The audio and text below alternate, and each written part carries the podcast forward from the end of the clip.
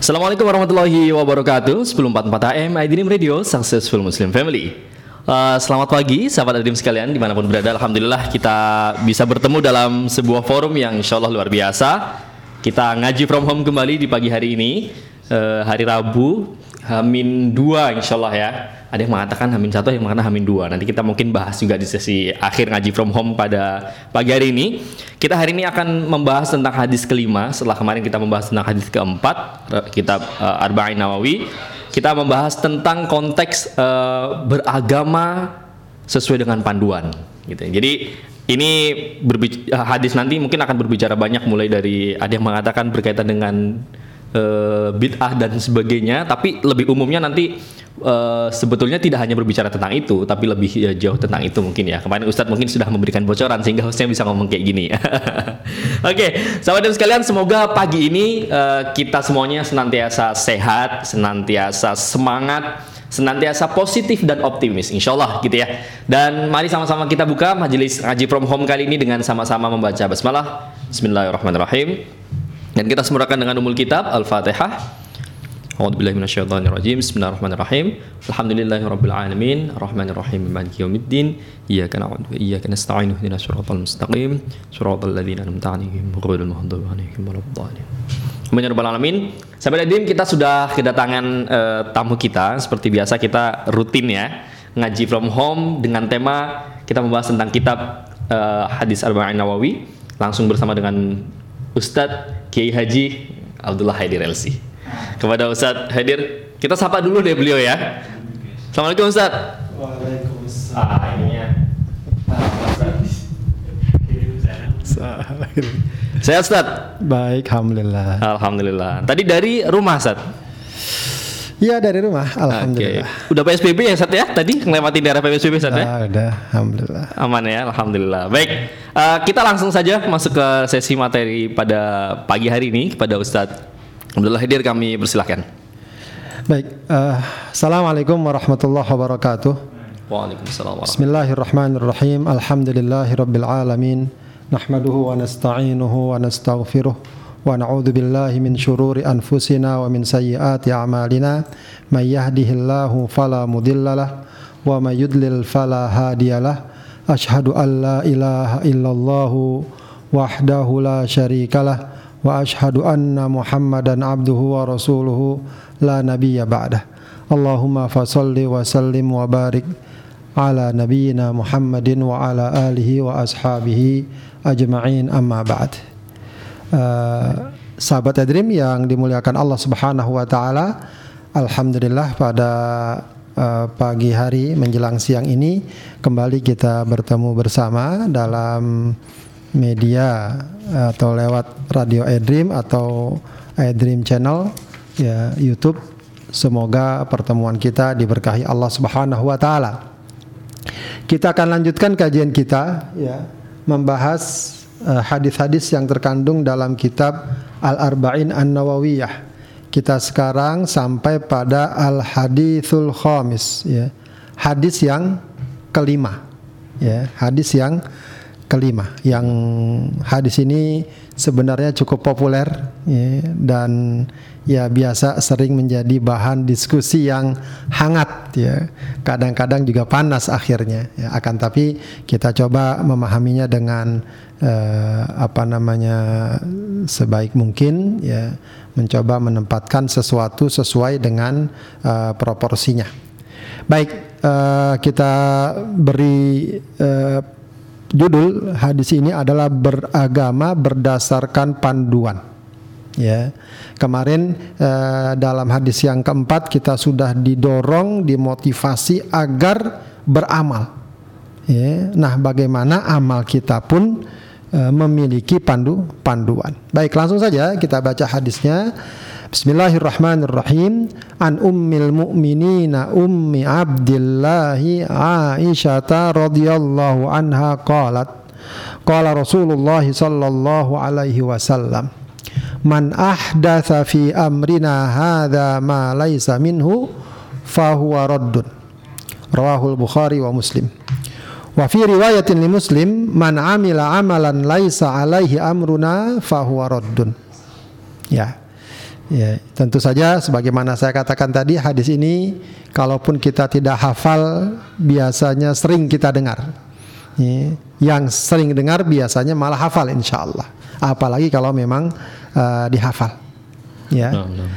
Baik uh, sahabat Edrim yang dimuliakan Allah Subhanahu wa taala, ya, kita langsung awali pembahasan kita an ummil mukminin dari Ummul Mukminin. Ya Ummul Mukminin adalah julukan gelar bagi seluruh istri Rasulullah sallallahu alaihi wasallam. dalam Al-Qur'an Allah katakan wa azwajuhu ummahatuhum. Ya istri-istri Rasulullah sallallahu alaihi wasallam adalah ibu mereka ibu bagi orang beri beriman. Ya, maka sebenarnya sangat layak kalau kita mengenal istri-istri Rasulullah sallallahu alaihi wasallam ya plus dengan sirahnya ya dengan riwayat hidupnya karena di dalamnya juga terdapat banyak pelajaran dan teladan bagi kita orang beriman. Khususnya juga uh, salah seorang istri Rasulullah sallallahu alaihi wasallam yang uh, sangat dikenal kalau tidak paling dikenal yaitu Ummi Abdillah.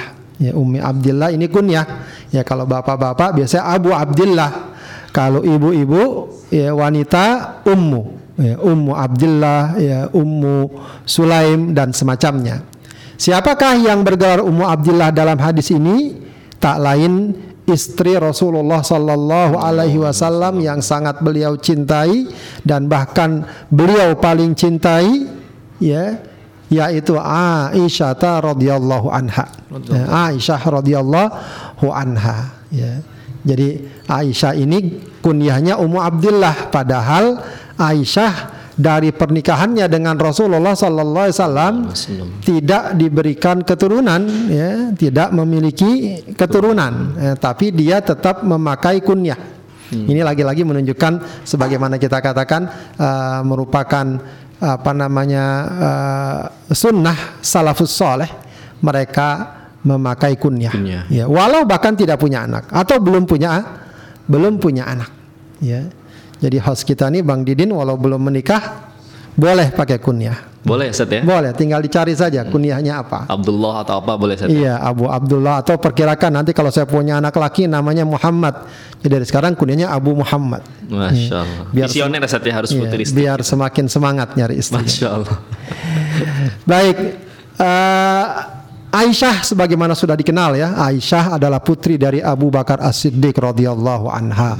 Ya, makanya panggilan atau juga julukan bagi Aisyah itu adalah As-Siddiqah binti As-Siddiq. As-Siddiqah binti ya. As-Siddiqah artinya orang yang jujur, orang yang benar. Ini memang istilah ini uh, barangkali tidak terlalu populer dibanding uh, julukan bagi bapaknya As-Siddiq ya. Uh, tapi memang uh, Aisyah dikenal uh, dengan sifat ini salah satunya setelah peristiwa hadithul ifki di mana ya dia dituduh berbuat zina dan berbuat serong ya. Uh, tuduhan yang bersumber dari orang-orang munafik yang tidak sedikit uh, atau ada beberapa sahabat yang ikut terbawa terpengaruh. Namun akhirnya Allah Subhanahu wa taala lewat surat An-Nur yang menyatakan bahwa Aisyah bebas dari segala tuduhan tersebut ya dia bukanlah wanita atau seorang istri yang berbuat serong yang selingkuh yang berkhianat kepada suami ke suaminya Rasulullah Shallallahu Alaihi Wasallam. Ya uh, keistimewaan Aisyah yang sangat dikenal adalah bahwa dia merupakan satu-satunya istri Rasulullah yang dinikahi saat masih gadis. Jadi Rasulullah menikah dengan banyak wanita semuanya janda kecuali Aisyah ya, yang dinikahi saat beliau atau dia menjadi masih ga, masih gadis. Masih gadis dengan Khadijah, dengan Sauda, dengan Hafsah, hmm. dengan Ummu Salama, Ummu Habibah, ya Zainab binti Jahas, Zainab binti Khuzaimah, begitu ya. Dengan siapa lagi Sofia, itu semua janda. Ya. Tapi Aisyah uh, dinikahi saat dia masih menjadi atau masih gadis. Ya ini uh, yang juga sering disebut oleh Aisyah sebagai ya keutamaan dia begitu ya keistimewaan dia. Akan tapi Ya ini memang uh, akhir-akhir ini cukup populer ya lagu tentang Aisyah, ya. betul. Cuma ya tidak kita uh, substansinya mungkin tentu saya ingin menghormati dan memuliakan Aisyah. Aisyah. Ya, uh, cuma yang biasanya hanya tertangkap tentang pribadi Aisyah itu adalah mungkin manjanya, Iya. cemburunya, Betul, betul. begitu ya. Ya beberapa sifat yang memang ada pada anak-anak karena memang ketika dinikah Rasulullah masih ya relatif usia masih sangat dini. ya. betul. Akan tapi yang patut diketahui Aisyah hidup bersama Rasul tidak lama. Tidaklah Tidak lama. tidak lama, ya. kurang lebih mungkin 11-12 tahun. Dia dinikahi menjelang Rasulullah hijrah. Menjelang Rasulullah hijrah bahkan diriwayatkan baru ketemu Rasulullah setelah hij setelah hijrah. Jadi nikah akad cuma akad saja kata Aisyah, aku dinikahi Rasulullah saat usiaku 6 tahun dan baru digauli saat usiaku 9 tahun. Ya. Nah, kemudian tentu saja Rasulullah 10 tahun kemudian setelah di Madinah wafat. Ya, dikabarkan diriwayatkan usia Aisyah ketika itu cuma baru 18-an tahun. Ya, 18 tahun sementara usia usia Aisyah itu 66 tahun. Berarti banyakkan mana waktu bersama Rasul dengan tidak bersama Rasulullah? Tidak bersama Rasulullah. Rasulullah sallallahu alaihi wasallam. Dan setelah Rasulullah wafat, Aisyah ya, dikenal ya, sebagai sahabat wanita yang banyak meriwayatkan hadis. Betul, betul. Bahkan dikatakan eh, sahabat yang paling banyak meriwayatkan hadis setelah Abu Hurairah adalah Aisyah. Masya Allah. Ya, diriwa- dika- dikatakan meriwayatkan 2210 hadis. Ya, ini artinya menggambarkan apa? Besarnya kedudukan Ai- Aisyah. Dia seorang wanita yang alim kata salah seorang sahabat kami kalau ada masalah dalam Al-Qur'an datang ke Aisyah dapat jawaban. Masya Allah. Jadi orang alim dia. Jangan kemudian hanya dilihat dia manja atau apa Iya, begitu ya. betul, Itu memang salah satu bagian yang memang uh, dialami bersama Rasulullah. Sallallahu alaihi Bahkan dia dikenal sebagai wanita yang zuhud, wanita yang suka berderma, yang ahli ibadah. Mhm. Ya, ya, yang ahli ibadah. Dia kalau mendapatkan uang dari Baitul Mal, ya, para istri Rasulullah itu mendapatkan jatah uang dari Baitul Mal, langsung suruh pembantunya untuk dibagikan. Insya Allah. Ya, sampai suatu kali pembantunya membagikannya sampai habis tidak tersisa. Kata pembantunya, ya ibunda, kenapa tidak disisakan buat kita? Kata Aisyah, ya kalau kamu kasih tahu sebelum ini saya akan sisakan. Ya, artinya eh, saking dia eh, Dermawan. ingin dermawan. Masya Allah. Ya. Ya, jadi eh, banyak pribadi-pribadi atau kepribadian tentang Aisyah ini yang sangat yang sangat indah. Ya, cuma memang kadang tidak terlalu dieksplor. Ya, kalau kita baca sejarahnya maka akan kita dapatkan itu. Yang jelas Aisyah adalah wanita mulia, wanita yang sangat mulia, yang di pangkuannya Rasulullah wafat. Ya, di pangkuannya Rasulullah wafat. Maka eh, sedikit saja tambahan untuk ini karena ini sangat penting. Ya, siapa pun kita orang yang beriman, kalau kita benar beriman, kalau kita cinta sama Rasulullah Sallallahu Alaihi Wasallam, ya, tidak mungkin sudi, ya, menghina, mencela dan menuduh Aisyah radhiyallahu anha. Tidak mungkin dan tidak sudi menerima ada orang yang menghina dan mencela Aisyah radhiyallahu an- anha. Ya, pastikan ya, ini catatan yang ingin saya tekankan. Pastikan kebatilan dan kesesatan kalau ada orang walau dia mengaku cinta ahlul bait segala macam tapi dia menghina, mencela, merendahkan martabat Aisyah radhiyallahu anha.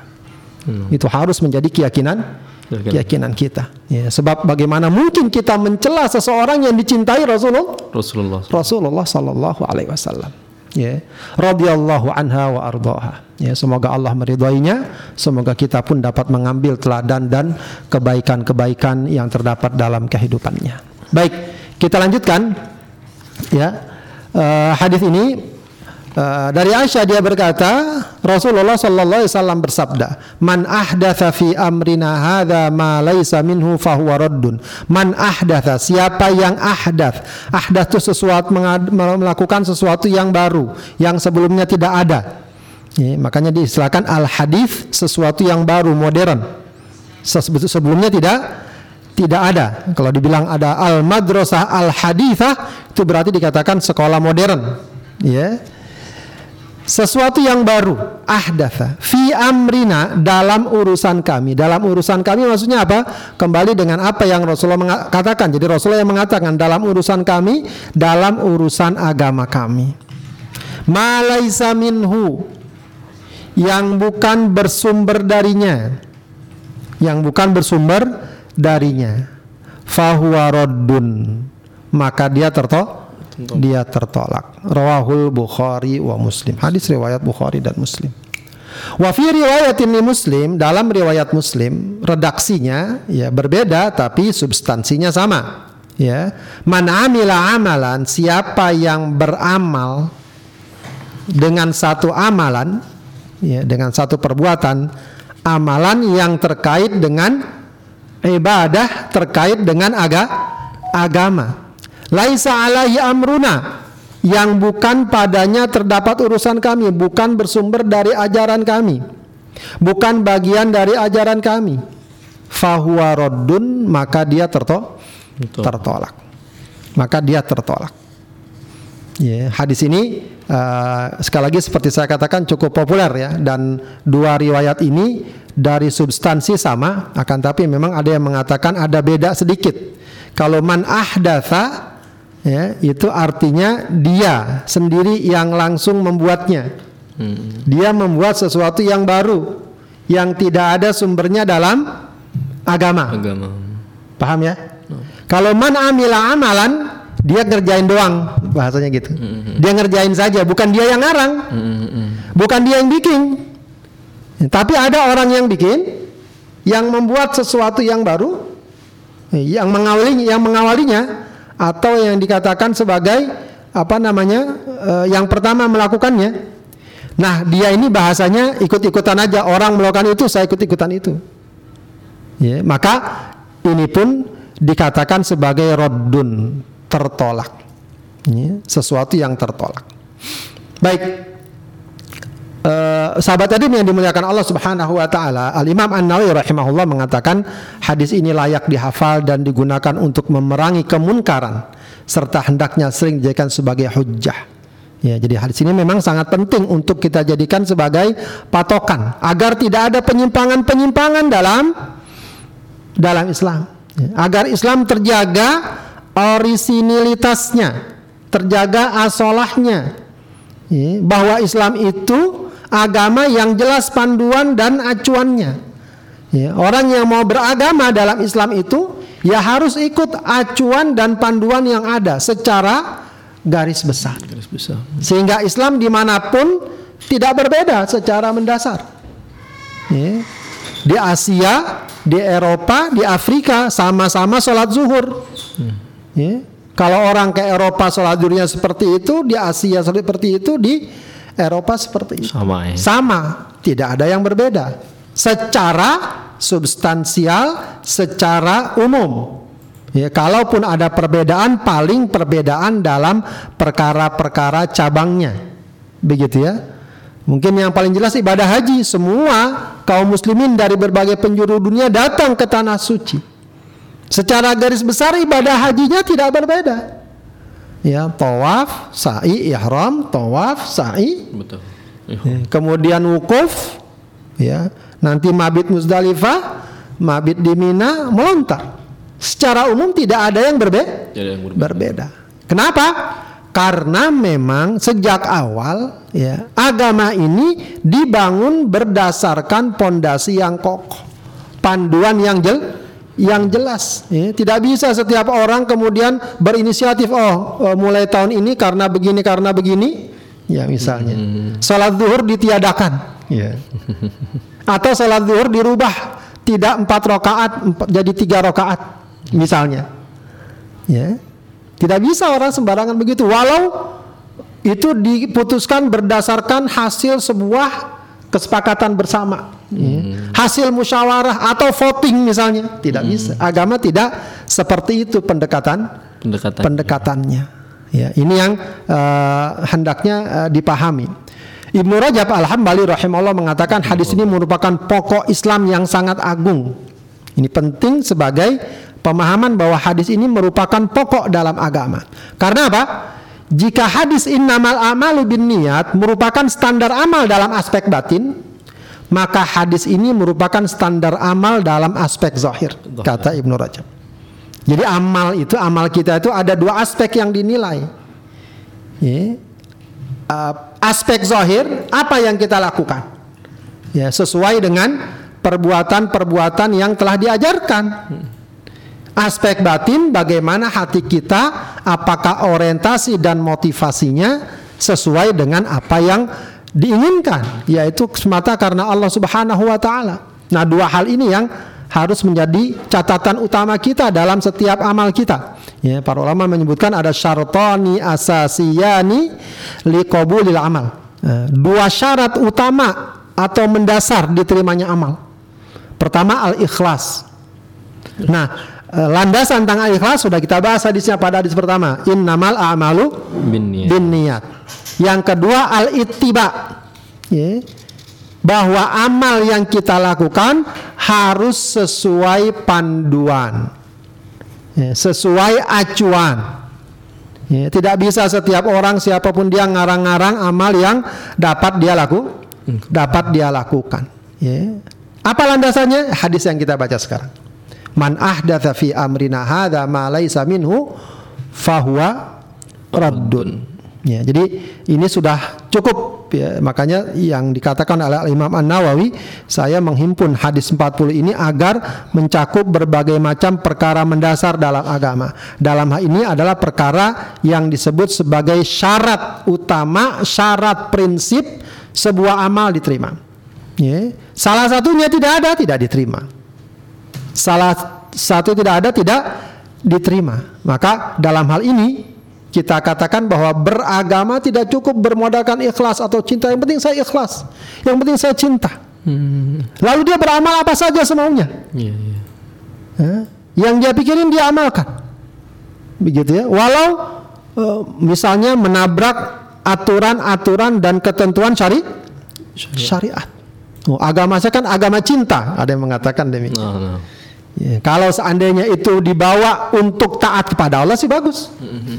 Tapi kalau kemudian dibawa dengan alasan agama saya agama cinta lalu kemudian dia tinggalkan apa yang Allah perintahkan, dia lakukan apa yang Allah larang, itu semua tidak bermakna.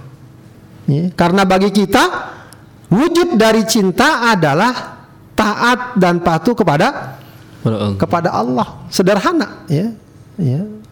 Apa namanya? Uh, bukti dan wujud cinta kita kepada Allah. Allah. Ya, tidak sekedar bermain uh, retorika. Uh, oh, saya mengajar mengajak atau agama ajaran saya adalah ajaran cinta dan semacamnya.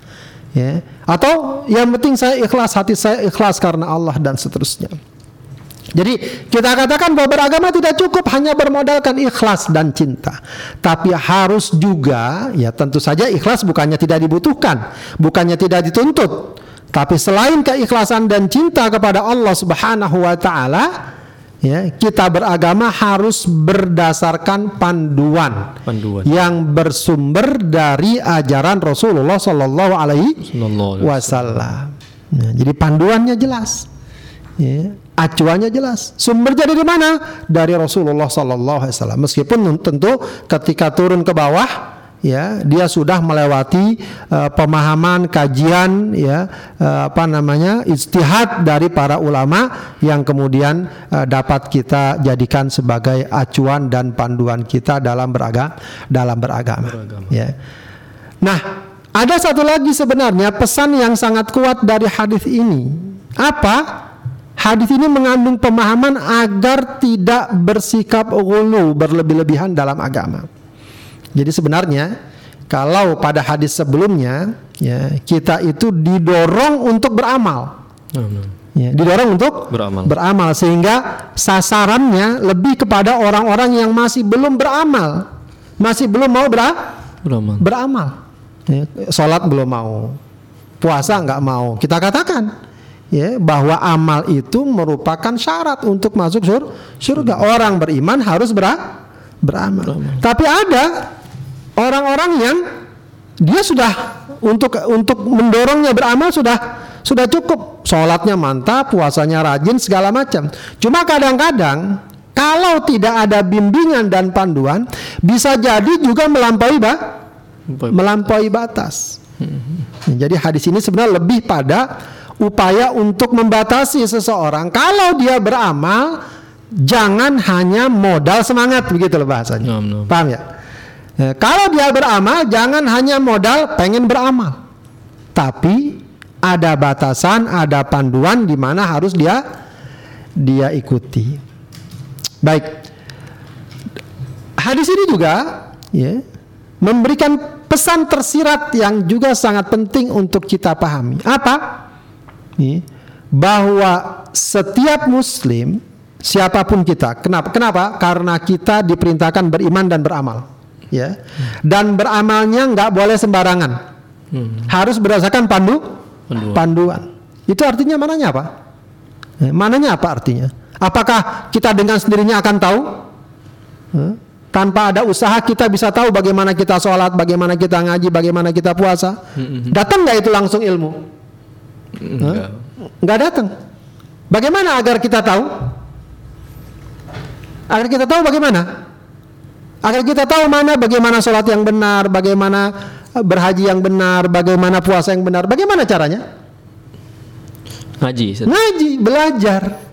Jadi hadis ini, ini yang ingin saya tekankan ya, sebab orang sering berbicara hadis ini eh, sering kali ditinggalkan substansi yang penting. Hmm, no, no. Bahwa hadis ini memberikan pesan bagi kita bahwa sebagai muslim siapa pun kita, siapa pun kita, walau dia mungkin bukan santri, tidak sekolah di pesantren dan lain sebagainya, tetap dia punya dituntut dalam hadis ini. Apa tuntutannya? Bagaimana dia dituntut memahami ajaran agamanya dan memahami ajaran agama tidak lahir dengan sendirinya, tapi harus dengan menuntut il- Ilmu. menuntut ilmu. Maka hadis ini memberikan pesan tersirat bagi setiap muslim untuk terus tolabul ilmi.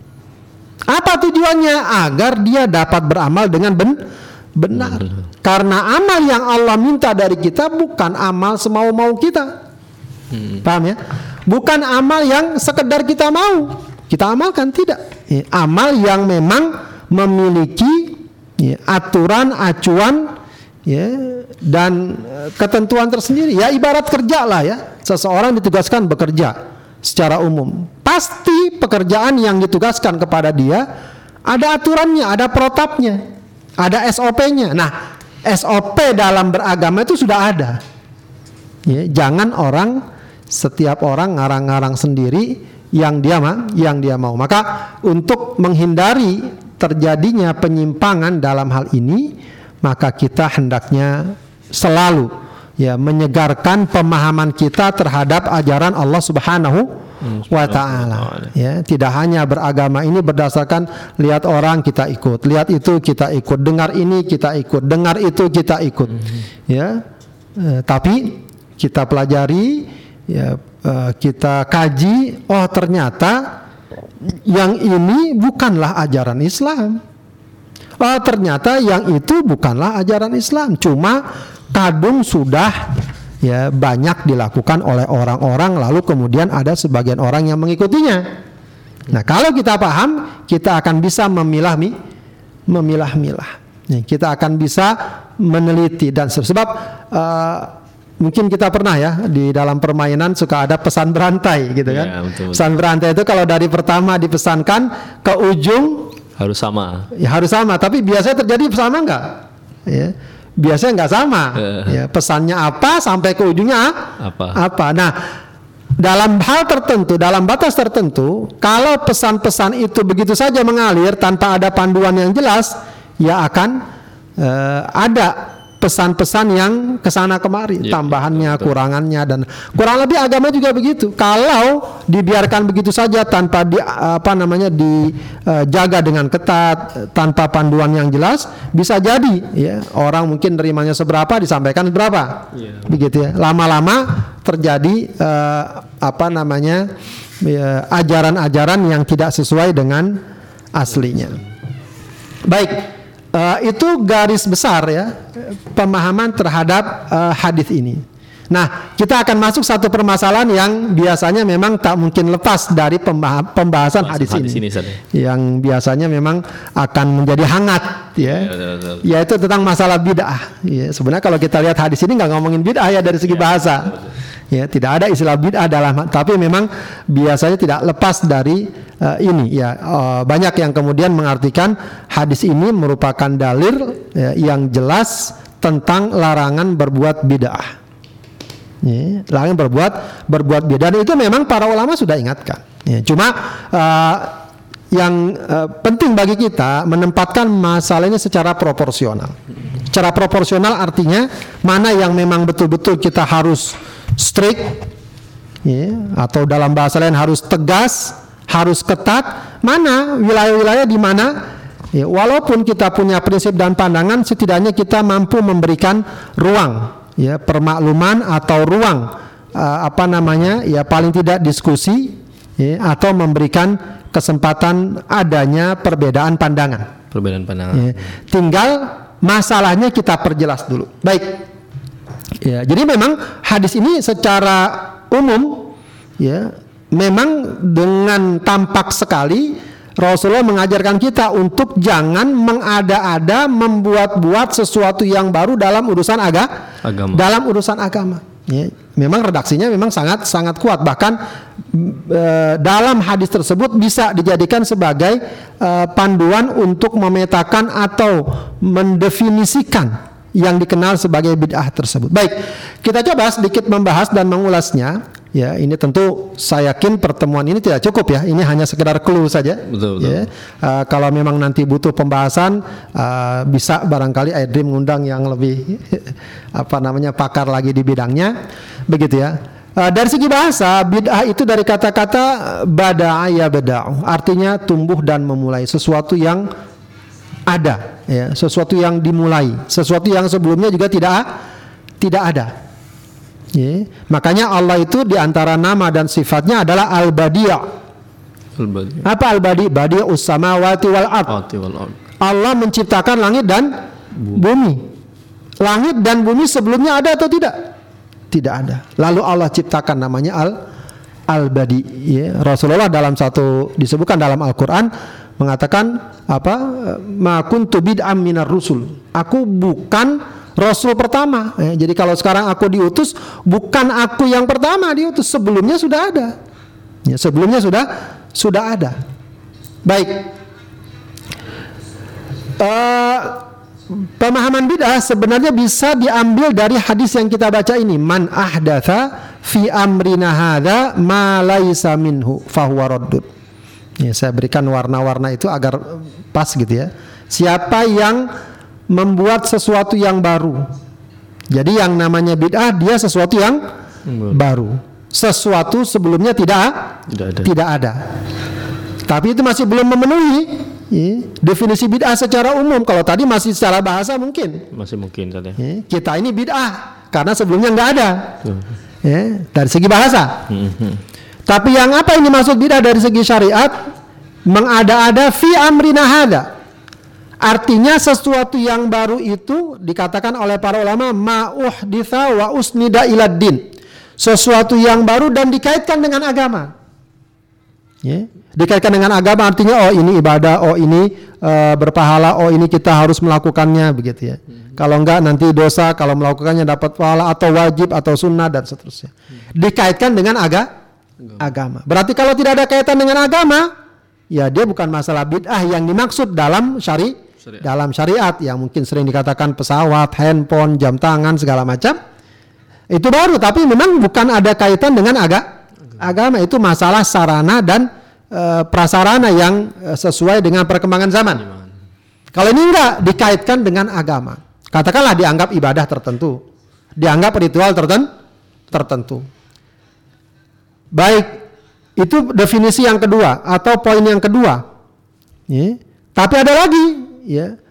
Ada sesuatu yang baru dikaitkan dengan agama mungkin bukan bid'ah kalau ada landasannya. Landasan. Paham nggak? Ada landasannya, sesuatu baru. Pada zaman Rasulullah nggak ada, tapi landasan ada.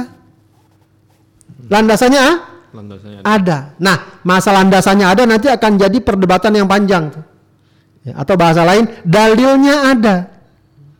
Dalil kan macam-macam kan? Dalil ada yang dari hadis, ada yang dari istihad para ulama, apalagi menjadi ijma dan seterusnya, atau istihad para ulama. Dalil ada yang sifatnya khusus, ada yang sifatnya umum. Ya, itu akan sangat menarik sebenarnya pembahasannya. Kalau dikaji secara ilmiah, tidak ya maaf ya, tidak akhirnya cuma akhirnya gontok-gontokan Ya, debat atau biar ngotot-ngototan dan lain sebagainya. Artinya ada potensi sesuatu yang baru dikaitkan dengan agama. Ya. Tidak ada pada zaman Rasul, tapi masih mungkin dia punya landasan dan patokan. Punya landasan dan patokan. Ya, misalnya yang terkenal mungkin Ramadan nih yang terkenal. Ya. Salat taraweh. Salat taraweh sebulan full bersama satu imam dalam satu masjid. Nah, itu kalau mau dilihat riwayatnya jelas Rasulullah salat taraweh atau qiyam Ramadan hanya dua atau tiga malam. Besoknya dia nggak ikut berjamaah berjamaah meskipun dia sampaikan karena takut nanti Allah wajibkan sholat tarawih. Yang jelas sejak saat itu kaum muslimin ya sholat tarawih tidak dengan satu imam. Ya berpisah-pisah dalam satu masjid sendiri-sendiri ada yang berkelompok-berkelompok. Ya itu terus sampai Rasulullah wafat. Kemudian terus bahkan sampai Abu Bakar wafat baru kemudian oleh Umar bin Khattab radhiyallahu an ya dikumpulkan lagi dengan satu i- satu imam. Ya. Secara khusus perbuatan ini tidak ada contohnya. Ya. memang pernah Rasulullah melakukan tapi kan nggak sampai sebulan penuh. Paham nggak? Ya. ya. dua atau tiga? Ya. tiga hari. Sebulan penuh nggak pernah Rasul lakukan. Umar lakukan sebulan penuh. Itu kan masalah aga agama ya, masalah agama. Ya. Nah kenapa? Ya berarti ada dalilnya ada patokannya.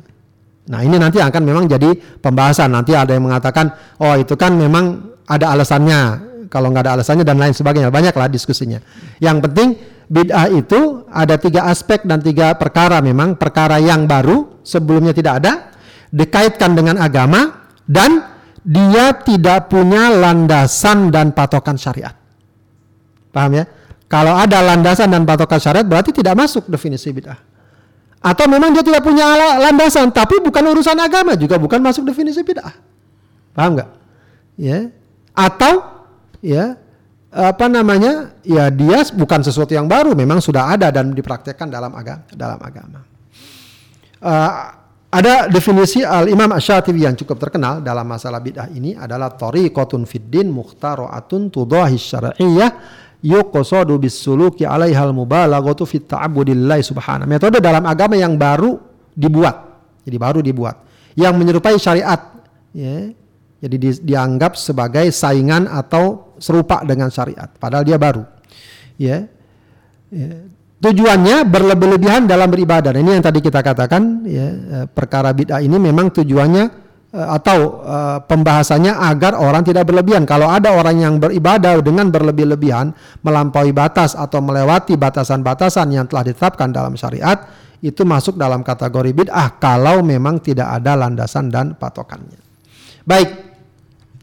Eh, sebelum kita beranjak lebih jauh, ya, bagus kalau kita paham ada level bid'ahnya. Jadi bid'ah itu ada level yang paling berat, yang berat dan yang ya apa namanya istilahnya? Yang eh, mukhtalaf, yang ada perdebatan di sana, yang ada perbedaan penda- pendapat. Nah ini penting kita pahami, ya sebab sebenarnya eh, berbeda dengan perkara yang biasa sering diperdebatkan di tengah masyarakat masalah-masalah bid'ah itu umumnya yang sering diperdebatkan dan sering mer- eh, meruncing dalam berbagai hal itu umumnya yang dibicarakan adalah bid'ah yang level terakhir yang yang sebenarnya masih dalam ruang lingkup mukhtalaf. Ya. ada lagi bid'ah sebenarnya yang perkara sangat mendasar yang untuk hal ini setiap muslim itu harus punya sikap yang tegas. Punya sikap yang yang tegas. Dan wallahu alam umumnya para salafus soleh ketika berbicara tentang bid'ah pada masa lalu adalah bid'ah ini. Bid'ah yang sifatnya prinsip dan akidah. Ya sehingga mereka kalau mengatakan ahlul bid'ah Yang dimaksud adalah orang-orang yang secara akidah dan prinsip itu telah menyimpang. Paham nggak? Dari situlah kita akan dapat menangkap atau mengetahui ketika para ulama merumuskan konsep yang kemudian dikenal dengan istilah ahlu sunnah wal jamaah, ya, itu sebenarnya sebuah rumusan yang sifatnya akidiyah, yang bersifatnya ideolog, ideologis, prinsip dasar beragama. Apa tujuannya? Untuk ya menghalau dan memfilter uh, berbagai keyakinan dan pemahaman mendasar yang baru yang tidak dikenal dan disampaikan dan diajarkan Rasulullah Shallallahu Alaihi Wasallam dan salafus soleh. Sudah mulai ada beberapa memang penyimpangan seiring dengan perkembangan ajaran is, ajaran Islam. Ya, dari mulai masa khulafur rasyidin sudah ada benih-benihnya. Meskipun bukan merupakan mainstream yang ada, tapi itu semakin lama semakin berkembang. Nah, itu yang dimaksud dengan bid'ah dalam masalah akidah yaitu terjadinya penyimpangan yang cukup mendasar dalam masalah akidah dan prinsip beragama. Paham nggak? Ya, ya. Rasulullah mengajarkan kepada kita dalam masa beragama patokan kita Al-Quran dan hadis. Lalu kemudian ada orang mengatakan enggak, oh bagi kita itu enggak cukup, harus akal. Kalau enggak sesuai akal maka enggak bisa diterima. Ya.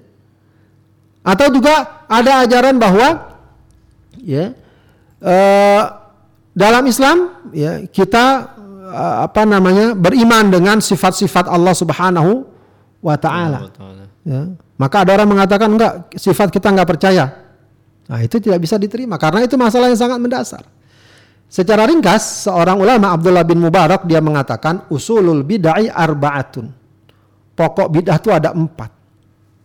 Pokok bid'ah itu ada empat. Pertama ar-rawafid, kedua al-khawarij, ketiga al-qadariyah, keempat al-murji'ah. Al-murji'ah.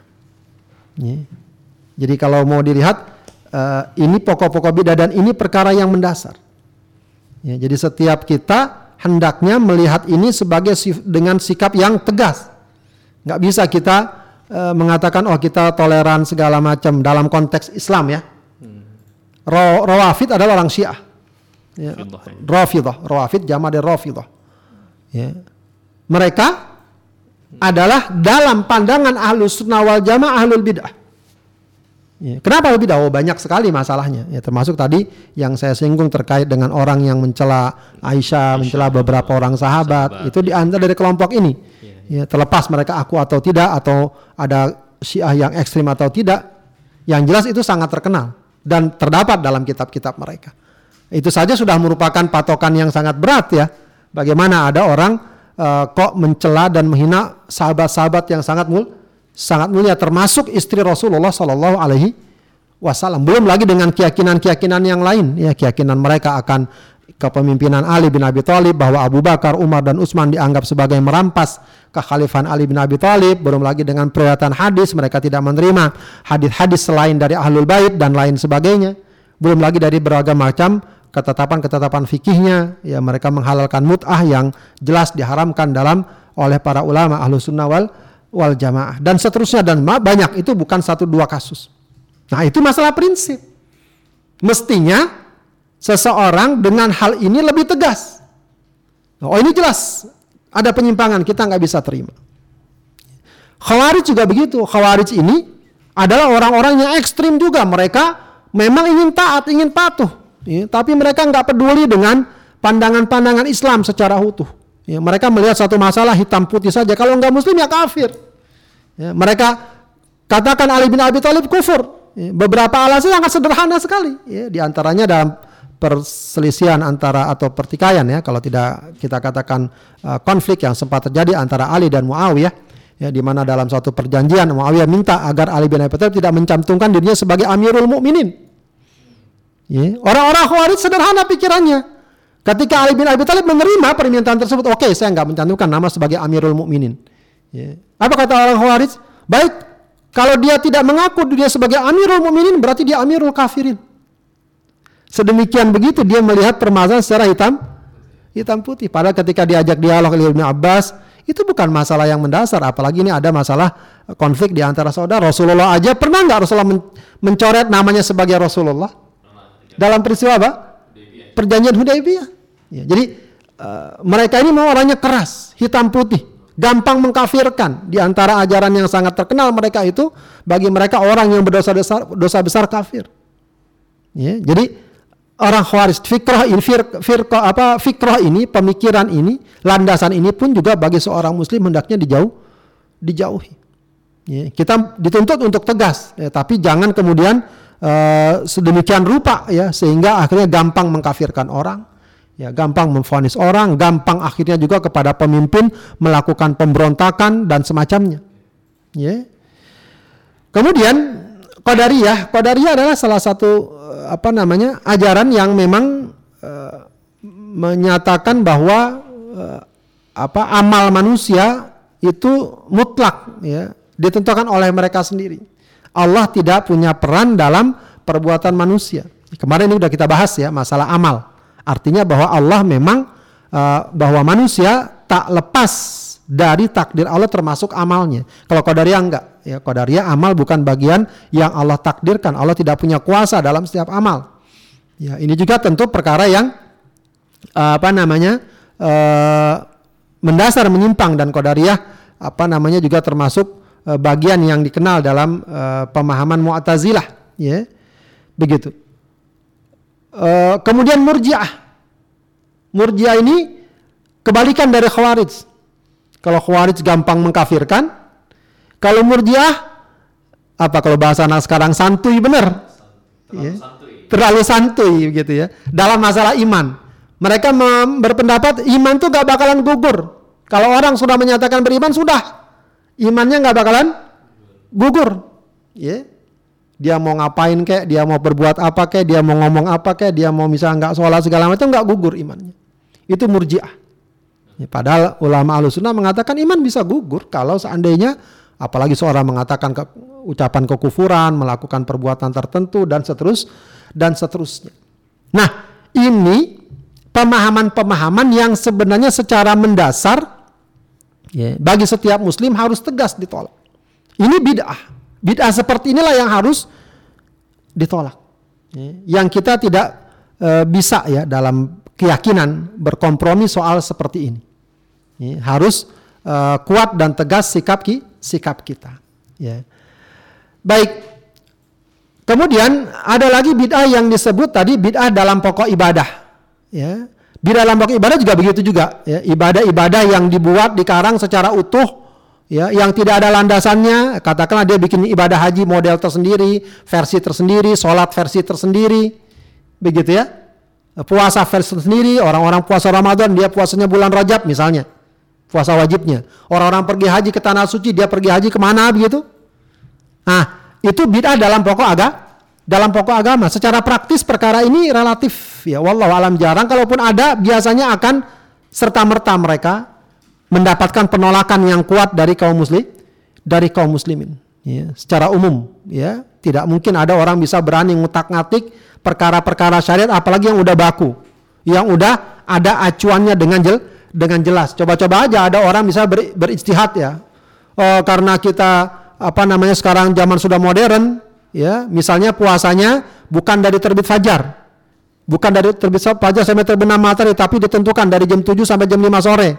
Dengan berbagai macam alasan, kita yakin dia akan segera mendapatkan penolakan dari kaum muslim, dari kaum muslimin. Ya, itu bid'ah dalam pokok pokok ibadah.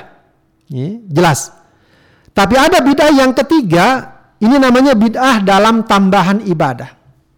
Ini disebut dengan istilah bid'ah idhofiyah. Jadi bid'ah yang ditempelkan.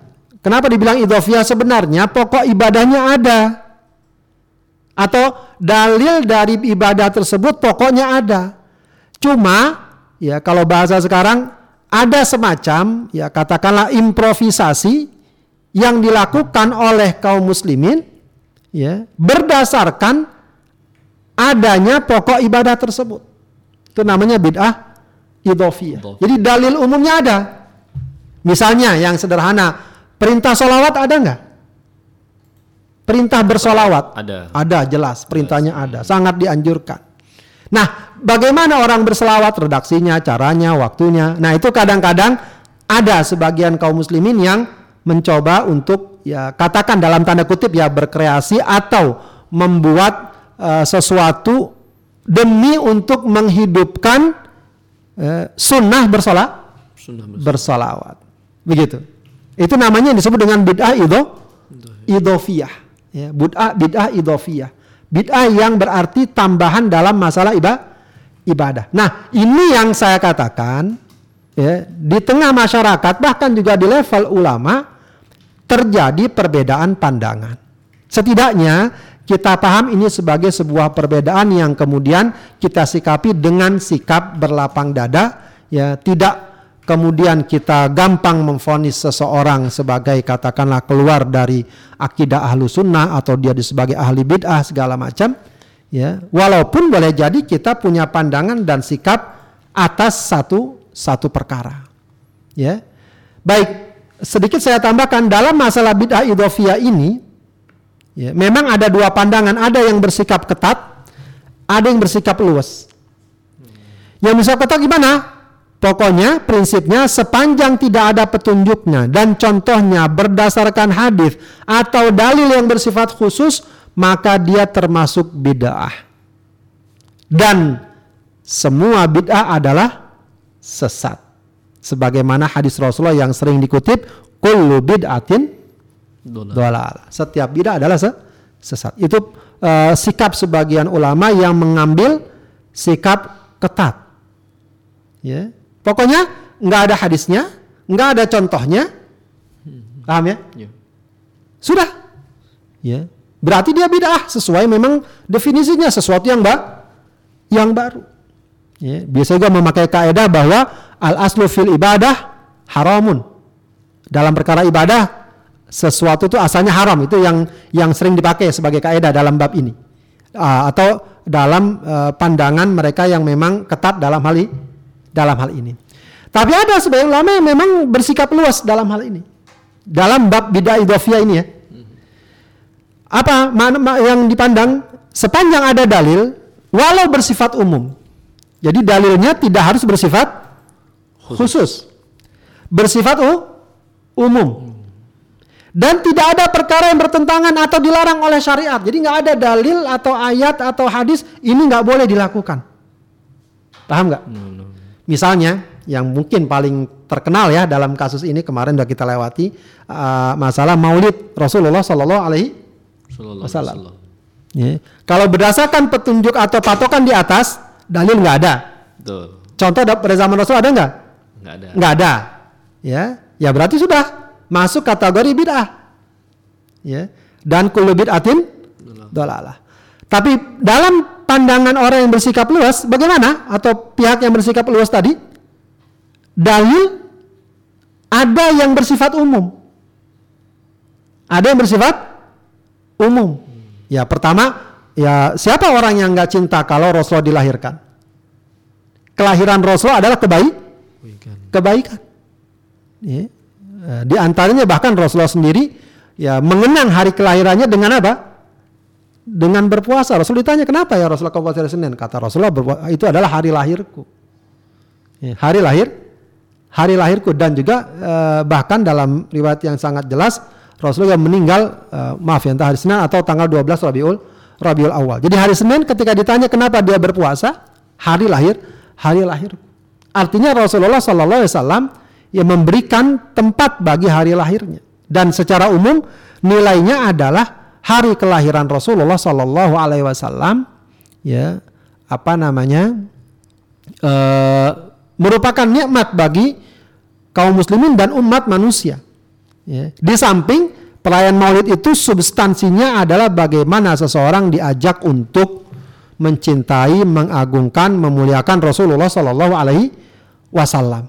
Artinya jelas itu merupakan uh, ajaran yang pokoknya ada. Apa pokoknya? Perintah untuk memuliakan bersolawat menyebut-nyebut membaca sirah kehidupan Rasulullah Shallallahu Alaihi Wasallam. Jadi yang dipakai adalah dalil dalil umum.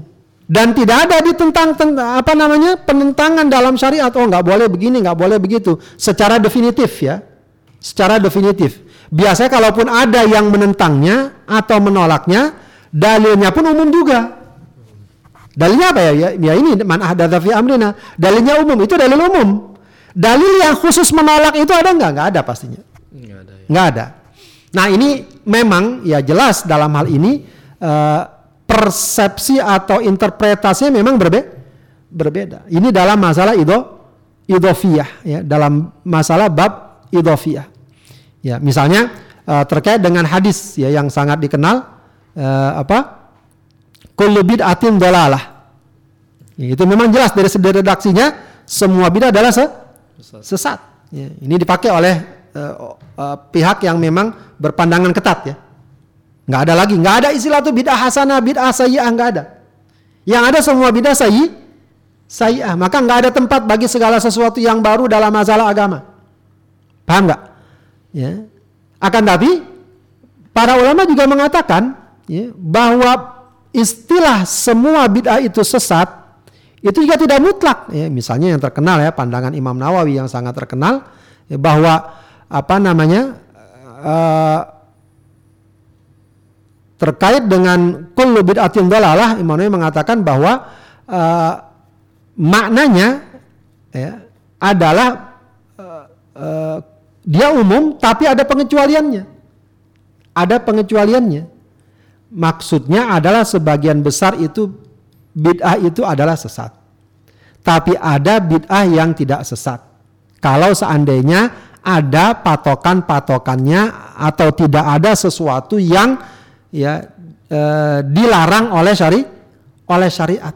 Ya, makanya e, kemudian dia mengatakan e, hadis ini kullu bid'atin dolalah itu dikhususkan oleh satu hadis mansan nafil Islam sunnatan hasanah. Ya, siapa yang ya me, membuat dalam Islam sunnah yang baik maka eh, dia akan mendapatkan pahala ya, kebaikannya dan pahala orang yang mengajarkannya. Ya. Jadi dalam hadis riwayat Muslim Rasulullah katakan siapa yang membuat satu ajaran Islam yang baik ya dalam Islam ya satu ajaran, satu budaya, satu sunnah yang baik maka dia dapat pahala dan pahala orang yang mengamalkannya. Ini pandangan mereka yang ya apa namanya uh, mencoba bersikap luas dalam masalah dalam masalah ini. Ya. Ya, artinya tidak berarti setiap bid'ah itu dikatakan sesat mutlak. Ada yang dikatakan bid'ah ya hasanah. Ya, bid'ah bahkan ada yang membagi bid'ah menjadi lima seperti Izzuddin bin Abu Salam bahkan menjadi bid'ah yang menjadi lima sebagaimana hukum taklifi. Hmm. Ada bid'ah yang wajib, ada yang sunnah, ada yang haram, ada yang makruh, ada yang mubah. Ya, jadi sebagai sebuah sebagai sebuah hukum. Bahkan hadis ini hadis man ahdatsa fi amrina hadza pun masih mem memungkinkan untuk dipahami berbeda. Ada pemahaman yang berbeda misalnya uh, apakah hadis ini berarti bahwa segala sesuatu yang baru itu pasti ditolak? Ah, hadisnya jelas kita perhatikan man ahdatsa fi amrina hadza ma laisa minhu fahuwa raddun. Ya. Kalau yang memang tadi berpendangan ketat akan mengatakan bahwa kata-kata bukan bagian dari agama jadi man ahdatsa fi amrina hadza ma laisa minhu bukan bagian dari jadi seseorang yang mengada-ada sesuatu ya dan dia bukan bagian dari aga, agama. Jadi ketika dikatakan itu tertolak kalau catatannya dia bukan bagian dari aga, agama. Maksudnya apa? Nggak ada dalilnya. Nggak ada patokannya. Ya. pemahamannya bisa dibalik. Ya, pemahamannya bisa dibalik. Berarti ada sesuatu yang baru dan ada dalilnya dalam agama. Ada sesuatu yang baru dalam agama dan ada dalil dalilnya. Dalilnya apa? Tadi biasanya yang bersifat u bersifat umum. Yang bersifat umum. Nah, itu memang ada uh, sedikit perbedaan pendapat. Yang jelas ingin saya katakan di sini bahwa masalah bid'ah yang sifatnya idofiyah walaupun memang bisa jadi masing-masing pihak mengatakan enggak ini bid'ah. Nah, bagi kami ini bukan bid'ah. Paling tidak itu memang perkara-perkara yang sebenarnya eh, di tengah para ulama sendiri ya terjadi perbedaan pandangan untuk melihat masalah masalah ini. Ya, katakanlah masalah maulid misalnya yang sangat dikenal ya. Ya, maulid Nabi ya. Tidak sedikit para ulama yang mu'tabar para ulama yang sangat dikenal ke- seperti Al Imam As-Suyuti misalnya ya sangat eh, apa namanya apresiasi terhadap perayaan Maulid begitu misalnya. Meskipun memang eh, tidak sedikit juga para ulama yang mengatakan ini juga sebagai perbuatan bid'ah dan seterusnya. Setidaknya para eh, sahabat edim yang dimuliakan Allah eh, hal ini eh, setidaknya membuka sedikit eh, wawasan kita dan pemahaman kita bahwa perkaranya tidak sehitam putih sebagaimana yang kadang-kadang sering digambarkan seakan-akan kalau orang melakukan ini oh dia berarti bukan ahlu sunnah dia ahlul bid'ah Ya, sekali lagi saya ingin katakan istilah ahlul bid'ah lebih tepat diarahkan kepada mereka-mereka yang ya prinsip beragamanya sudah sangat menyim- menyimpang. ya. Misalnya kalau sekarang banyak orang yang punya pemahaman Islam liberal, ya, yang kadang-kadang eh, mereka bukan lagi apa namanya berbicara masalah-masalah furu'iyah, tapi masalah-masalah yang sangat mendasar, masalah yang sangat prinsip, ya yang kadang-kadang terjadi banyak penyimpangan di sana sini. Nah, yang seperti itu layaklah disebut sebagai ahlul bid'ah. Ya, tapi kalau sementara di tengah masyarakat ada yang melakukan satu amalian, amaliyah yang mungkin sudah sedemikian rupa mengakar di tengah masyarakat dan itu perkara-perkara yang dari segi syariat tidak ada perkara yang eh, ditentang atau bertentangan secara mendasar, ya, maka semestinya setidaknya kalaupun dia belum mengambil atau eh, tidak bersikap sama dengan apa yang ada, setidaknya dia mampu memahami ya, adanya perbedaan terse- tersebut. Kecuali kalau dalam perbuatan tersebut ada memang penyimpangan syariatnya. Ya misalnya demi merayakan maulid katanya dia nggak sholat misalnya. Nah itunya nggak benar. Atau misalnya ada minum-minuman keras kah atau ada perbuatan-perbuatan yang menyimpang, nah itunya yang nggak benar. Tapi kalau ada orang melakukannya dengan cara yang baik, dia puji Rasulullah, dia baca sirah Rasulullah Sallallahu Alaihi Wasallam, dia membaca salawat secara umum, setidaknya itu perkara yang hendaknya kita berlapang dada melihat permasalahan ini. Wallahu a'lam. Para sahabat adim yang dimuliakan Allah Subhanahu wa taala itu barangkali eh, yang dapat saya sampaikan ya, mudah-mudahan bermanfaat. Assalamualaikum warahmatullahi wabarakatuh. Waalaikumsalam warahmatullahi wabarakatuh. Jazakumullah khair kepada Ustadz uh, Abdullah Hadir yang sudah menyampaikan tentang pembahasan beragama sesuai dengan panduan. Tadi mungkin disampaikan juga berkaitan dengan perbedaan-perbedaan pendapat dalam konteks uh, bid'ah misalnya ada yang kemudian ketat, ada yang lebih luas dan lain sebagainya dan sebagainya. Saat kita coba buka sesi tanya jawab Ustadz sebentar ya. Uh, ada beberapa pertanyaan pertanyaan yang muncul dari uh, pendengar sahabat Edim di beberapa uh, daerah berkaitan dengan mungkin Ustadz. Uh, terutama bagian yang mungkin idofiyah begitu ya. Uh, konteks istihad itu kan ada yang mengatakan ketika dia salah maka bernilai satu, ketika dia benar bernilai dua. Artinya kalaupun istihad itu salah maka uh, dia tidak bernilai minus begitu ya. Nah dalam konteks uh, antara istihad itu sendiri dan bid'ah ini seperti apa nih Ustaz sebetulnya? Atau uh, sejauh mana sih kemudian itu di, di, di- dikatakan sebagai sebuah istihad sehingga kemudian tetap bernilai satu gitu, bukan minus dan dan lain sebagainya. Fadal Ustaz. Ya, memang ada yang dan eh, dapat juga permasalahan ini sebenarnya juga permasalahan masalah masalah bid'ah itu banyak sebenarnya ruang lingkupnya adalah masalah fikih. Kecuali kalau ruang lingkupnya masalah akidah. Akidah. Oke. Kalau ruang lingkupnya masalah fikih memang sebenarnya ya eh, tidak lantas seseorang bisa disalahkan ah, dengan catatan tentu. Ya. Iya. Enggak setiap orang bisa beristihad kan? Iya betul betul. ya sepanjang ya eh, para ulama secara umum membuat dua garis besar ijtihad itu benar atau salah ya eh, berlaku ke kaidah yang Rasulullah katakan apa namanya jika dia benar dapat dua pahala jika dia salah dapat satu pahala yang pertama ya adalah ijtihad tersebut bukan terhadap nas yang sudah jelas kedudukannya ya la ijtihada ma'an nas Ya, dia tidak lagi bisa beristihad untuk perkara-perkara yang secara nas sudah disebutkan secara detail, secara jelas. Ya, misalnya katakan nasnya sudah jelas bahwa zakat itu wajib, lalu istihad dia mengatakan eh, zaman sekarang zakat tidak wajib. Itu tidak ada istihad seperti itu. Artinya istihad berlaku pada apa? Pada nas yang masih mungkin menimbulkan eh, perbedaan pendapat atau pada hal-hal yang memang tidak disinggung dalam nas secara defini Definitif. secara definitif. Apalagi masalah-masalah baru. Ya sebagaimana mungkin sekarang banyak eh, apa namanya para ulama eh, apa namanya eh, misalnya beristihad atau memberikan fatwa eh, boleh tidak sholat Jumat misalnya. Ya jadi pada perkara yang eh, di sana ada keluasan dan keluasan untuk eh, berpendapat, ya. atau ada interpretasi yang berbeda. Ayatnya ada, tapi interpretasinya berbeda, ya. Hadisnya ada, tapi interpretasinya berbeda, ya. Misalnya masalah-masalah yang uh, sering dibahas dalam masalah fikih ya apakah misalnya baca surat al-fatihah uh, wajib atau tidak bagi makmum misalnya Hmm, nah itu ada ruang ruang istihad Ruang istihad ya. ya itu yang pertama yang kedua ya yang beristihad ya para ulama orang yang ngerti agak Agama. orang yang ngerti agama. Tidak sembarangan, ya. Ya? tidak sembarang orang oh saya nggak setuju ini. Eh, anda eh, ilmunya sampai mana? Begitu ya. Eh, ngaji enggak segala macam lalu dia berpendapat oh saya nggak setuju pendapat fatwa ini segala macam. Itu bukan itu nggak masuk dalam bab Istihad. istihad karena yang beristihad itu adalah ulama yang memang sudah dekat dengan eh, Islam dengan kajian-kajian Islam. Dia memiliki eh, pondasi dan kemampuan untuk mendalami apa, ajaran Islam. Ya jadi bisa juga memang masuk dalam bab tersebut ya. Kalau memang itu lahir dari seorang ulama yang dikenal keilmuan dan ketakwaannya ya dan dia lakukan itu memang eh, berdasarkan istihad yang dia yang dia miliki wallahu a'lam Baik Ustaz, ini mungkin pertanyaan berikutnya, jazakumullah khair sebelumnya.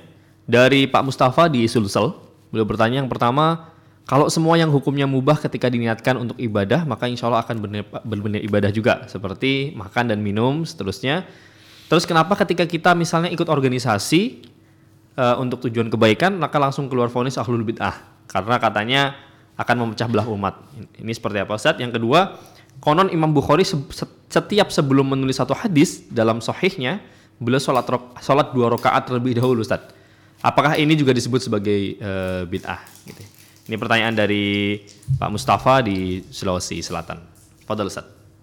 Ya, ya memang ya inilah yang kalau agak riskan ya kalau segala sesuatu mudah kemudian dituduh sebagai bid'ah dengan alasan itu sesuatu yang baru tidak ada pada zaman Rasulullah Sallallahu Alaihi Wasallam maka kalau begitu akan banyak sekali yang terkena bid'ah. Ya kita sekolah pun kita ngaji di pesantren pun. Kalau kita perhatikan pesantren secara bentuk seperti sekarang ya tidak ada pada zaman Rasulullah. Paling banter ada sahabat yang uh, tidur di masjid. Begitu ya pesantren dengan kelasnya dengan berbagai macam itu tidak ada. Ya, jadi akan banyak sekali yang akan kena bid'ah. Kita berorganisasi, ya eh, dikatakan bid'ah, maka tentu saja akan banyak yang terkena terkena bid'ah. Dan secara umum tidak kita dapatkan fatwa tersebut, ya sebagai sebuah eh, pandangan yang yang eh, pandangan ulama secara umum. Kecuali ada beberapa pihak ada beberapa gelintir orang yang kadang-kadang mudah mengeluarkan vonis bid'ah semacam itu ya. Jadi sepanjang berorganisasinya bertujuan baik dan juga tidak ada perkara-perkara mendasar yang bertentangan dengan agama dan apalagi pada zaman sekarang ya segala sesuatu sangat efektif kalau dilakukan secara eh, eh, berjamaah ya secara kolektif secara institusional dan itu sebenarnya juga substansi dari ajaran Islam yang mengajarkan kita untuk selalu berjamaah, selalu berbaris rafi. Ya, innallaha yuhibbul ladzina yuqatiluna fi sabili soffan ka'annahum bunyanun marsus. Itu juga bagian dari syari dari syari. Ini yang, yang dikatakan sebagai dalil umum. No, no, no. Ya, jadi kalau semua diminta dalil khusus akan sempit sekali agama. Justru Allah memberikan kemudahan bagi kita untuk akhirnya nanti berimprovisasi, beristihad dan seterusnya. Ya. Ya, bahkan Rasulullah mengatakan daruni mata roktukum biarkan aku ya, eh, terhadap apa yang aku biarkan untuk kalian. Maksudnya jangan ditagih-tagih, biarkan kalau sesuatu yang tidak Rasulullah haramkan, tidak Rasulullah wajibkan, itu menjadi medan bagi kita untuk berekspresi. Ya, tinggal nanti panduan umumnya ini benar nggak atau ada nggak sesuatu yang dilarang, gitu ya. Selebihnya seseorang eh, bebas berkreasi sepanjang eh, dia tahu eh, kaedah-kaedahnya, doabitnya dan seterus dan seterusnya. Ya, maka kalau ada pandangan berorganisasi adalah merupakan bid'ah dan orang itu adalah bid'ah, ya sungguh sangat ya maaf ya sangat picik sekali pandangan tersebut. Ya bahkan eh, saya yakin di Saudi sendiri di sana ada organisasi. Ya walau mungkin batasan-batasannya ada. Ya bahkan ada organisasi para ulama, organisasi internasional dengan berbagai macam bentuk bentuknya ya dengan berbagai macam bentuknya. Wallahu a'lam. Uh, adapun apa yang dilakukan oleh Imam Bukhari kalau itu pun benar, ya itu pun juga sebenarnya uh, sesuatu yang uh, bisa diambil dari dalil yang sifatnya umum. Ya, di mana seorang diperintahkan untuk misalnya minta tolong dengan sholatnya wasta'inu bisabri wassalah ya dan Rasulullah kalau ada perkara-perkara penting beliau sholat dan seterusnya. Jadi memang e, perkara satu perkara kalau sedemikian rupa segala sesuatu kita lihat secara detail secara persis justru itu akan membuat seseorang jadi sangat kaku dan rigid begitu ya dan rigid ya. Kalau didetail-detailkan akan sulit sekali. Ya. wallahu alam Nah, jazakallah khair Ustaz sudah membahas, membahas dan menjawab pertanyaan yang sebelumnya. Ini pertanyaan berikutnya Ustaz dari Ibu Lia Sulistiawati, beliau dari Taiwan. E, pertanyaannya bagaimana menyikapi perbedaan hal-hal yang e, berbeda pandangan? Gitu ya. Ini mungkin tadi juga disinggung singkat juga oleh Ustaz. Fadal Ustaz. Ya, uh, tinggal kita bedakan tadi level-levelnya. Ya. Kalau levelnya permasalahan sangat prinsip, kita harus ambil sikap tegas dulu. Sangat prinsip ya, sangat prinsip uh, bahwa kita nggak bisa menerima pandangan seperti itu. Ya, bahkan kalau bisa kita batasi agar uh, keyakinan dan pandangan tersebut ya katakan tidak menyebar, tidak menjalar, ya uh, tidak uh, gampang kaum muslimin menerimanya. Kita berikan peringatan dan lain sebagainya. Tapi kalau perbedaan tersebut semata soal-soal yang tadi sifatnya furu'iyah tadi, ya, sifatnya furu'iyah tadi, maka ya, sikap yang terbaik adalah kita berlapang dada, ya, kita menerima perbedaan yang ada ya, sepanjang uh, perkara tersebut adalah perkara yang masing-masing punya referensi, punya sandaran dari pendapat yang kuat. Misalnya ada kitabnya, ada kaul ulama yang membelanya atau yang mendukungnya, begitu ya. Kita cari itu pandangan yang ada. Tapi kalau misalnya ada pandangan berbeda, ini ulamanya siapa? No, no. Yang berpendapat demikian. Atau uh, paling tidak referensinya apa? Ya, nggak ada sama sekali ya berarti kita harus uh, apa namanya uh, pisahkan hal ini ya, kita ingatkan untuk uh, tidak mengambil satu sikap yang uh, tidak ada referensi dan tidak ada dalil tidak ada dalilnya ya tidak ada dalilnya. Adapun perkara-perkara yang banyak di tengah masyarakat karena terjadi perbedaan memang ya mau tidak mau kita harus sedapat mungkin ya beradaptasi, bertenggang rasa, ya yeah. bertoleransi dalam hal ini. Ya, kita kepada orang non Muslim aja disuruh untuk bertoleransi, hmm. kenapa terhadap sama Muslim nggak mau bertoleransi? Ya, padahal perkara-perkara ini perkara-perkara yang sangat uh, sangat apa istilah sangat dikenal dengan masyarakat mungkin seperti nanti uh, bulan Ramadan ya uh, ada yang sholat terawih 11 rakaat, ada yang 20 rakaat ya. Kalau 23 rakaat kalau kondisi normal orang berjamaah. Ya itu harus dilihat kalau kita memang ikut berjamaah di masjid yang sholat terawihnya 23 rakaat, sebaiknya kita ikut. Hmm. Ya. Atau kebalikannya kita biasa 23 rakaat, sekali waktu kita sholat bersama imam yang sholatnya 11 rakaat, sudah cukup 11 rakaat. Ya. Agar kita bisa sholat bersama imam sampai selesai. Ya. Sampai selesai. Adapun kita sholat misalnya 23 rakaat pas 11 rakaat kita keluar ya itu kurang bijak. Ya, kurang kurang bijak. sementara pandangan tersebut pandangan yang sudah dikenal oleh para ulama bahkan dari salafus soleh. Ya dari salafus. Jadi uh, uh, sikap-sikap yang perbedaan tersebut disikapi sebijak mungkin. Kalaupun akhirnya kita tidak bisa mengambil apa atau tidak ikut apa yang diambil oleh saudara kita setidaknya kita memahami kita menghormati. Tidak perlu ada vonis tuduhan, apalagi sampai menganggapnya ya apa istilahnya bukan ahlu sunnah dan seterusnya. Okay. Sepanjang itu perkara-perkara yang sifatnya furu'iyah. Furu'iyah. Cabang. Wallah alam. Baik, terima kasih Ustadz. Ini pertanyaan berikutnya uh, berkaitan dengan menurut saya menarik ya.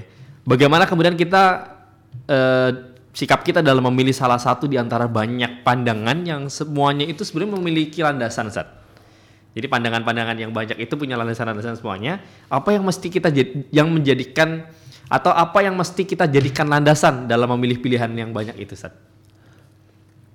Baik, uh, terkait dengan beragam perbedaan pendapat yang ada, memang secara umum ada dua kemungkinan yang bisa kita lakukan. Yeah. Pertama, kita kalau memang punya kemampuan untuk menganalisa, yeah. mengkaji, memahami kita bisa membanding-bandingkan berdasarkan dalil yang ada, begitu ya. Lalu kita menganggap oh, saya cocok dengan ini pendapat ini. Ya silakan. Tapi itu tidak sederhana. Ya, betul. Itu harus didukung oleh pemahaman yang cukup kokoh terhadap ajaran Islam. Ajaran Islam. Ya, nggak cukup hanya sekedar bermodal satu dua hadis. Oh ini pendapatnya lebih kuat, saya pilih ini. Hmm. Gitu. Oh, ya, padahal kita sendiri masih katakanlah masih pemula dalam hal ini. Hmm. Itu yang pertama. Yang kedua, yang kedua, eh, kalaupun kita merasa oh saya nggak perlu, nggak nggak nggak punya banyak kemampuan untuk menganalisa, Ya.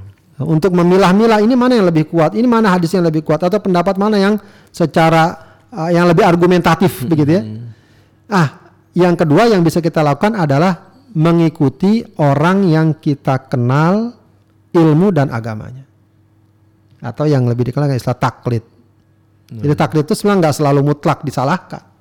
Ya, jadi dan level kita itu juga eh, secara umum level masyarakat awam ya taklid.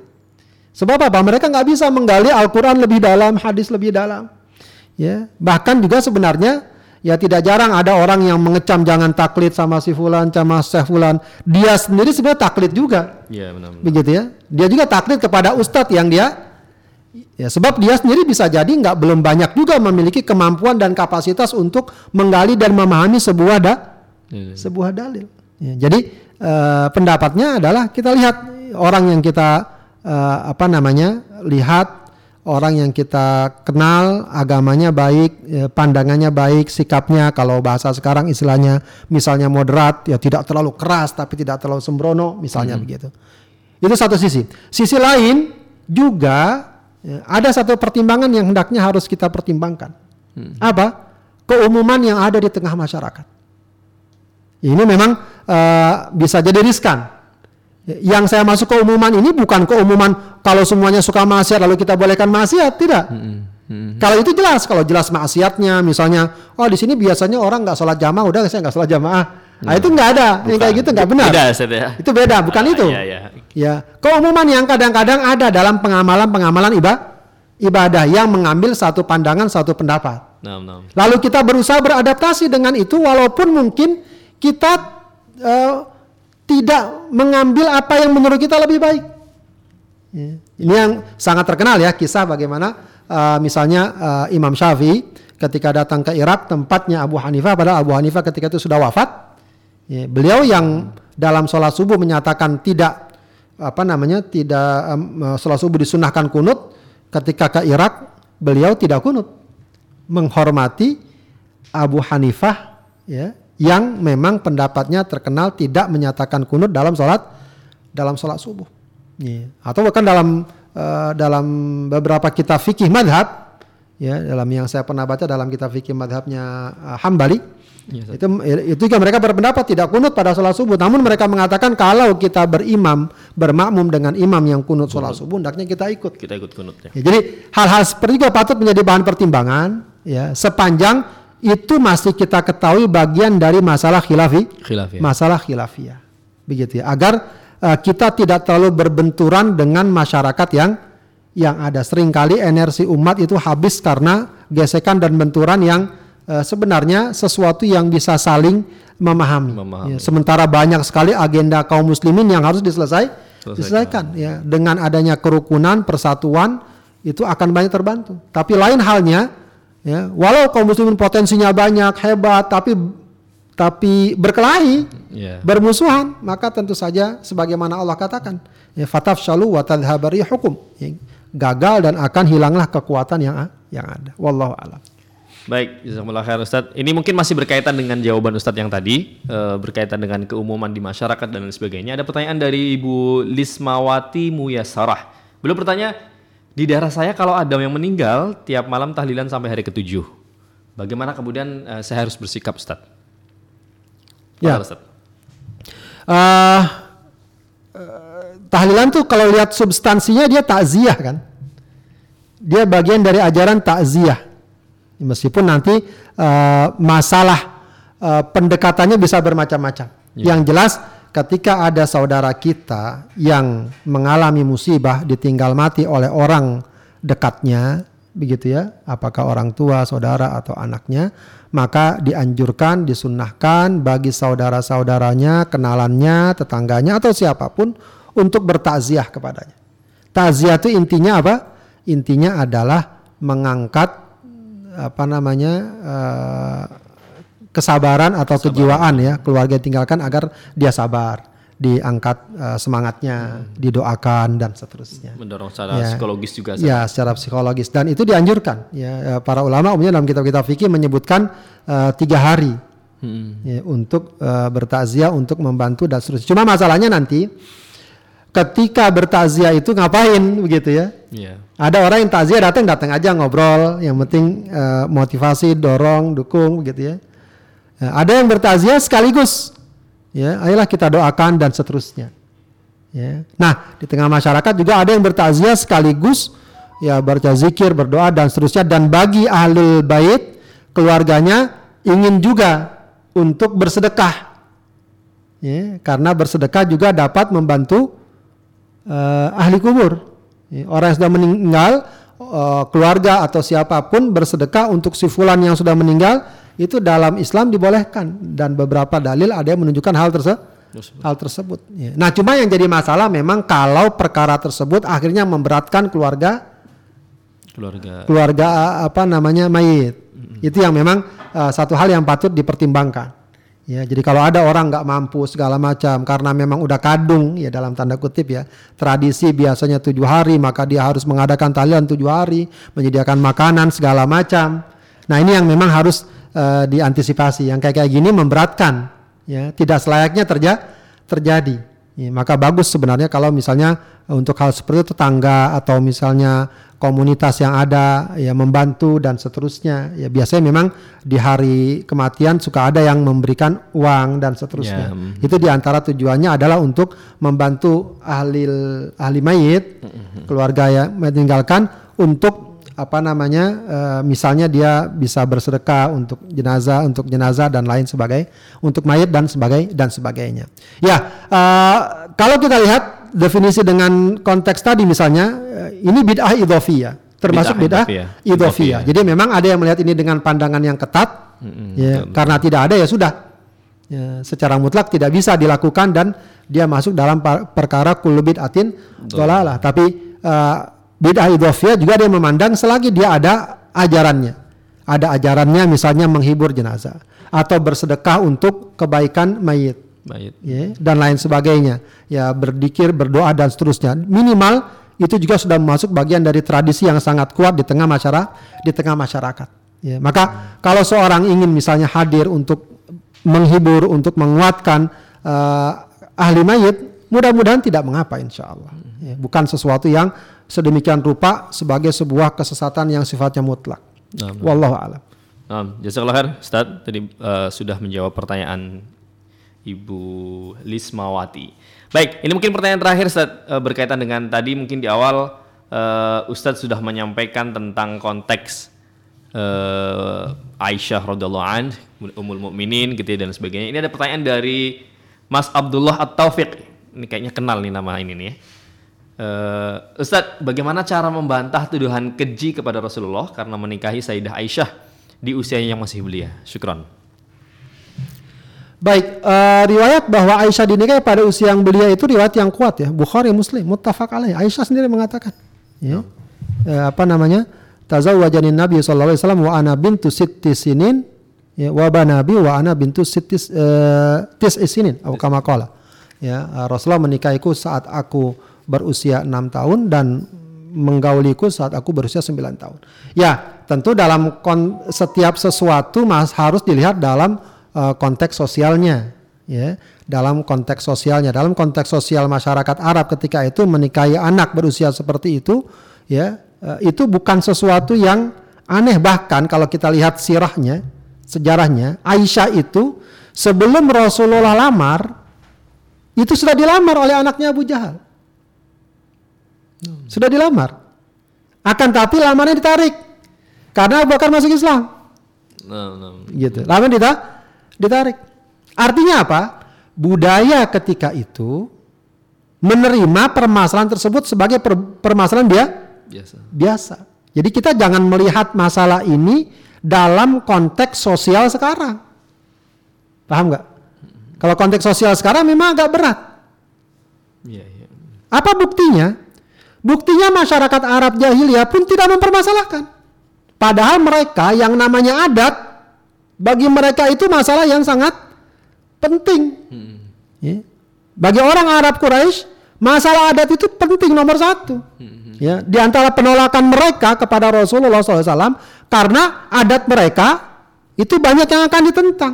Betul, betul. Artinya kalau seandainya pernikahan Rasulullah kepada Aisyah itu tidak benar dalam konteks sosiologi ketika itu, pastilah mereka akan menjadi menjadikannya sebagai bahan bahan penentangan untuk penentangan, Betul, betul. untuk menista Rasulullah, tapi itu tidak, kita tidak dapatkan. Dan di negeri Arab, jangankan pada zaman Rasulullah hingga pada masa sekarang, itu masih terbiasa orang menikah ya dalam bahasa sekarang eh, menikah di usia dini lah ya. Uh, dan apa istilah itu dalam bahasa Arab itu? Di Yaman misalnya, itu masih banyak orang menikah wanita usia belasan tahun, ya 11, 10 segala macam. Mungkin di masa kita pun dahulu orang tua kita juga Menikah iya, di usia SMP, Iya betul. begitu betul, ya, iya. usia belasan tahun ada. Jadi ini masalah, masalah sosiologi yang ada ketika itu. Oh, masa mungkin ada anak usia 9 tahun digauli segala macam? Bisa jadi eh, kondisinya berbeda. Ya, anak di tengah padang pasir dengan kehidupan yang mungkin eh, Lebih keras. keras segala macam, seorang akan tumbuh dan fisiknya bisa lebih kuat dan lain sebagainya. Yang jelas itu bukan masalah yang yang aneh ya dalam konteks sosial ketika ketika itu. Wallahu a'lam. Jazakallah khair Ustaz. Ini tadi ada satu pertanyaan yang menyambung dengan yang sebelumnya Ustaz, dengan sebelum ini. Tadi eh, berkaitan dengan eh, tahlilan tujuh hari. Ini ada yang mengatakan apa hukumnya selamatan sampai seribu hari Ustaz. Jadi ada yang mungkin seri- 40 hari, ada yang ser- seribu hari dan sebagainya. Eh, apakah itu juga termasuk dalam konteks idofiyah atau seperti apa Ustaz? Ya, s- ketika kita mengatakan bid'ah idhofiyah ini bukan berarti dia menjadi sunnah khusus, menjadi ajaran khusus dan lain sebagainya. Ya. Tidak, ya. Tapi paling tidak dia adalah perkara yang eh, secara umum sepanjang tidak ada larangan-larangan yang ada, tentu saja ini dalam pandangan mereka yang berpandangan eh, melihat ini perkara yang luas gitu ya. Selagi tidak ada halangan dan tujuannya misalnya untuk mendoakan, untuk mengingatkan. Ya, sebab kadang-kadang butuh juga orang anak-anak didoakan atau anak-anak ingat, oh sudah 100 hari, sudah setahun begitu ya. Bisa jadi eh, kehidupannya dinamika segala macam anak-anak lupa dengan orang tuanya sudah mening Meninggal. sudah meninggal dunia. itu bisa jadi merupakan salah satu pesan yang ingin disampaikan dari acara-acara apakah 100 hari, 1000 hari dan lain. Kalau dikatakan itu sebagai sunnah yang khusus bukan. Bukan ya. Ya, karena memang jelas tidak ada panduan. Tapi sebagai upaya untuk menghidupkan katakanlah untuk mendoakan untuk mengingatkan agar dia bisa bersedekah Eh, kadang-kadang butuh momen memang ya. Di antara perkara yang sering terjadi eh, hal ini memang butuh momen. Kalau ada momennya biasa orang akan terdorong.